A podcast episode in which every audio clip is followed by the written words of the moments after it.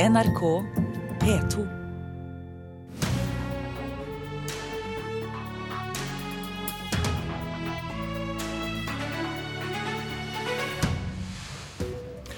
Arbeiderpartiet er midt oppe i scenen en av sine vanskeligste kriser, men hvor mye skader det partiet egentlig på lengre sikt? For de er langt fra første parti som ris av interne stridigheter. Da ønsker vi god morgen og velkommen til Politisk kvarter. Jeg heter Espen Aas. Mens det nærmest fremstår som bunnløse avgrunner som åpner seg mellom sentrale personer i Arbeiderpartiet, i det som er en av de verste krisene i partiet på lang tid, er altså spørsmålet hvordan dette kan ramme på lengre sikt. Etter sitt dårligste valg i opposisjon noen gang, vil velgerne fortsette å rømme, eller blir ikke flukten så stor? Professor i statsvitenskap ved Universitetet i Oslo, Bernt Årdal, jeg stiller deg spørsmålet. Hvor skadelig er det grunn til å tro at denne saken kan være for selve oppslutningen til Arbeiderpartiet? Altså For det første så er det vanskelig å si noe presist om det, fordi at vi vet ikke hva som ville ha skjedd hvis dette ikke hadde hendt. Eh, men det som har vært gjort av, av studier tidligere, bl.a. av Tor Midtbø i Bergen, de tyder jo på at de negative effektene For det er jo gjerne det man tenker på, at det vil svekke partiet. At de ofte er svake, de negative effektene, og de er også kortvarige. Så det er kanskje hovedmønsteret. Men så er det jo noen tilfeller, og det har jo noe med timingen å gjøre, at hvis dette hadde da kommet opp like før valget i høst, så er det vel grunn til å tro at utslagene kunne ha blitt noe større. Men for Arbeiderpartiet så var jo resultatet veldig dårlig uansett.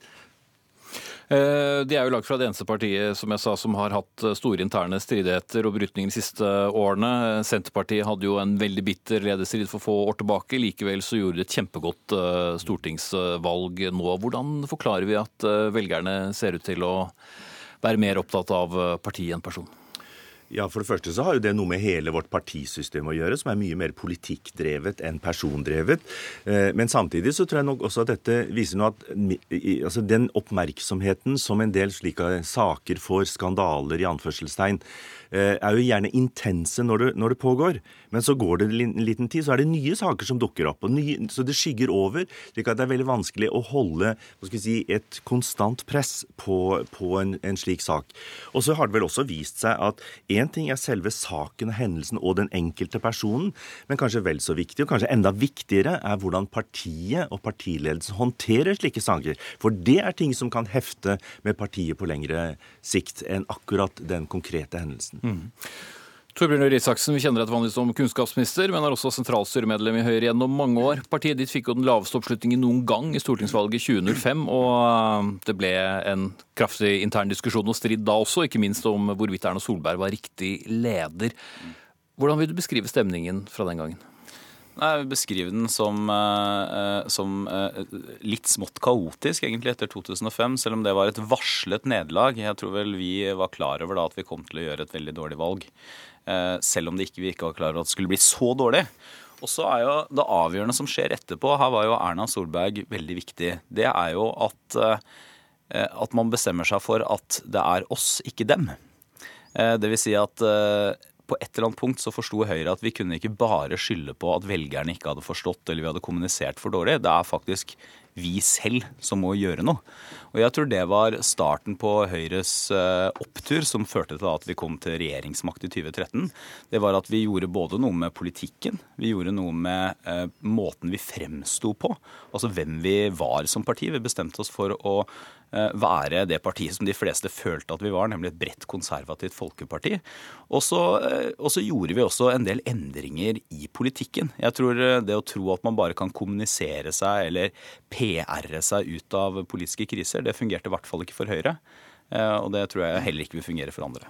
Men det å sitte i en partiledelse, og du får da fløyer som rykker ut, profilerte enkeltpersoner som sier at nå, nå har vi feil ledelse osv.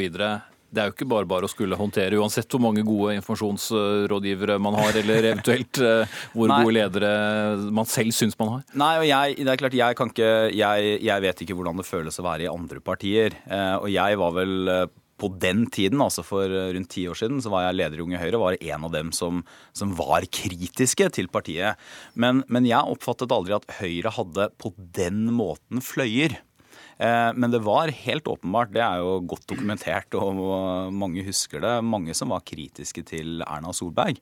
Eh, men jeg tror det som var av, to av nøklene, egentlig, det var for det første at Erna, eller statsministeren, eh, partilederen den gangen, fikk lov til å, med god hjelp selvfølgelig, definere sitt eget politiske prosjekt. Og det var gjennom denne talen hvor hun snakket om mennesker, ikke milliarder. Og det andre var at man trakk litt lærdom av en episode av den amerikanske serien West Wing, som er en episode som heter Let Bartlett be Bartlett, som handler om at man kan ikke forsøke å omskape politikere til noe, noe de ikke er. Man må bygge på folks styrker. Og Det betyr jo at alle de tingene som vi alle sammen ser som Erna Solbergs fremste styrker i dag, var jo ting som hun faktisk ble angrepet for for ti år siden. Mm. Magnus Takvam, politisk kommentator her i NRK. Du har jo vært med på å dekke mange partier og mange interne stridigheter. Sett fra på en måte ja, en av, av mange journalister eller kommentatorer. Hvordan merker du i det disse fløyene begynner å oppstå i et parti? For det første så er det jo alltid mange faser eh, i eh, en krisepreget situasjon. Eh, og den aller første fasen før de første nyhetene om vedkommende sak er publisert, så er det jo én eh, type eh, fokus i medieredaksjonen og i relasjon til vedkommende nyhetsobjekt. Eh, jeg er sikker på at i den aller første perioden da et par aviser publiserte i denne aktuelle Arbeiderpartisaken de første artiklene som ble mye omdiskutert fordi de så relativt tynne ut, var en kraftig dialog med vedkommende eh, om, om nettopp det. Men selvfølgelig, når eh, saken er Og har, nå har det jo vist seg at dette er en samfunnsmessig stor og viktig sak. Eh, den det gjelder, har erkjent at eh, han har eh, opptrådt på en måte som er sterkt kritikkverdig selv, osv.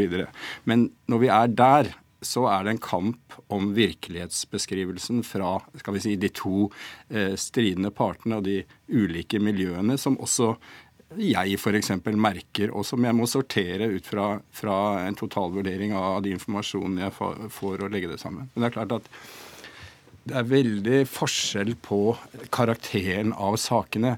Hvis det er en et individuelt feilgrep utelukkende isolert til, eh, til, en person som har gjort noe som alle ser er, er en personlig krise, så har den ikke de politiske dimensjonene eh, som denne har. Fordi den er så kompleks og griper inn i allerede eksisterende konfliktlinjer i Arbeiderpartiet, både mellom partikontor, stortingsgruppe, eh, generasjoner, regionale partier osv. Så, videre. så det gjør denne saken veldig krevende selvfølgelig å, å, å dekke på en god måte. Men viser også da selvfølgelig den Ap-saken, men også som vi så i Høyre, Senterpartiet, andre partier som har vært eh, i krise, hvor stor eh, politiske, eventuelt personal eh, det er innad i partiene? Altså Er det da vi for alvor ser hva slags fløyer vi har? Ja, I noen tilfeller er det jo det. F.eks. i striden i, omkring eh, Borten Moe Navarsete i Senterpartiet, så er det klart at en del av den konflikten representerte ulike strømninger i Senterpartiet. Det radikale Vestlandet og det mer moderate, eh, næringsvennlige Trøndelag på en måte sånn. Så, og, og, og, og det var en del av bildet, og man grupperte seg rundt sine ledere like mye ofte ut fra nettopp den konfliktlinjen. Så ja. Eh, men det er klart at her i denne aktuelle Arbeiderparti-saken så er det, er det vanskelig Altså, man påberoper seg ofte i i kampens hete aktørene at jeg representerer venstresiden og, og og, og, og, vil bruke det som, kraft, som et kraftig liksom, honnørord i debatten. Men så enkelt er det ikke i dette tilfellet. Mm. Opplevde dere det i Høyre, Torne Isaksen? Eh, altså, de forskjellene man snakket jo, husker jeg i hvert fall selv, om man hadde Oslo-benken mot Vestlandet, eh, og så igjen altså, forskjellige politiske fløyer. Igjen, jeg, jeg er ikke sant å sammenligne Høyre med andre partier, men jeg tror eh, en av de tingene som, som kjennetegnet det som skjedde i Høyre, var at det var og vi kom til den erkjennelse at dette er en, en, politisk krise. Det var ikke først og fremst en krise fordi at folk ikke likte hverandre eller det var masse krangling internt, selv om det var mye debatt om Erna Solberg. Det kunne jo se litt sånn ut. Ja, men, det var, men først og fremst var det en krise fordi at vi var et parti som hadde meningsmålinger på under 10% Og vi var et parti som lakk til alle kanter, og det er ofte det som skjer med partier som gjør det dårlig. De lekker til alle kanter samtidig. Og da er det dummeste man kan gjøre, mener jeg, og det Høyre da heldigvis unngikk, det er å litt sånn på autopilot gå mot høyre eller venstre. Det å si at vi må automatisk legge oss mot sentrum, vi må automatisk legge oss mot høyre. For det som er kjernen, er at folk kjenner deg ikke igjen som parti. Folk kjente ikke Høyre igjen som parti. Eh, og de kjente ikke igjen verken det brede folkepartiet som mange hadde stemt på bare ti år tidligere, men de kjente heller ikke igjen Høyre som et tydelig parti, som et klart opposisjonsparti, eller et parti som var opptatt av problemstillingene som folk var opptatt av i hverdagen sin. Og det var ikke velgerne det var noe feil med. Eh, det var oss det var noe feil med. Eh, og veien ut av det for Høyre var jo at vi var tydelige på hva som var vårt politiske prosjekt. Eh, ikke bare gjorde profilmessige eller kommunikasjonsmessige endringer, selv om vi gjorde også det. Vi endret også politikk. Vi begynte f.eks. å snakke om helse på en helt annen måte enn vi noen gang hadde gjort før i Høyres historie. Magnus? Nå er vi inne i en helt alminnelig diskusjon om politisk strategi, som jeg føler ikke har noe direkte med tema krisehåndtering å gjøre. Det er på en måte selvfølgelig partier som opplever tilbakegang, har denne typen diskusjoner som eh, Røe Isaksen er inne på. Men det som, det, hvis en slik krise spiller inn, føler jeg, i allerede eksisterende konflikter og problemer i partiet, så får, kan den få en ekstra tyngde å forsterke de allerede eksisterende problemene. F.eks. i Arbeiderpartiets tilfelle da, en ledelse, en toppledelse, eh, som åpenbart ikke eh, samspiller godt nok, og heller ikke gjorde det har gjort det i tiden før krisen oppsto. Det er klart at når man eksponerer en eh, tillitssvikt mellom Eh, de fire på toppen på den måten denne saken har gjort, så, så er det svært, en svær utfordring for partiet i etterkant av dette å få en eh, ledelse med autoritet og som kan uh, opptre uh, kollektivt som ett team. Mm. Ja, og Det er jo nettopp det som gjør den aktuelle saken i, i Arbeiderpartiet så vanskelig også for partiledelsen. For det er nettopp denne sammenblandingen av tolkning av et dårlig valgresultat. Hva skal man gjøre for å komme videre? Og Man var jo egentlig ikke kommet ordentlig i gang med den prosessen før da denne Giske-saken slo til. Og, og, det er jo også noe av det vi ser sånn generelt etter valgnederlag, som også var inne på her, at, at, de ulike gruppene i partiet, jeg vet ikke om man skal kalle det fløyer, men enkeltpersoner også, de har jo alltid sine kjepphester. Og når, etter et valgnederlag så kommer jo alle med det som forklaringen. Min kjepphest, det er det som egentlig forklarer. Og når det da blir koblet til personmotsetninger, så blir det en ganske vanskelig sak. Og ikke minst også så tror jeg dette ville være veldig avgjørende for hvordan partiet og partiledelsen kommer ut av denne saken. Om man makter å komme fram til løsninger, det som så fint heter omforente løsninger, mm. som gjør at man ikke viderebringer, forsterker eksisterende uh, uenighet og konflikter innad i partiet. Men hva så med timingen? Altså, Vi har jo hatt uh, saker f.eks. i Arbeiderpartiet hvor vi hadde Roger Ingebrigtsen-saken, Øygard-saken, men dette skjedde jo ikke da rett uh, knyttet opp til valg. Vi har hatt lignende saker i Frp uh, og Venstre. Men er timingen spesielt ille når man allerede da ligger nede og får en sånn sak? Ville vært annerledes om den ville kommet midtveis i en, i en stortingsperiode f.eks.? Det, det er Jeg, jeg tror Altså hvis man, hvis man løfter blikket litt, Eh, så, jo, så kommer jo dette fordi eh, pga. Eh, metoo.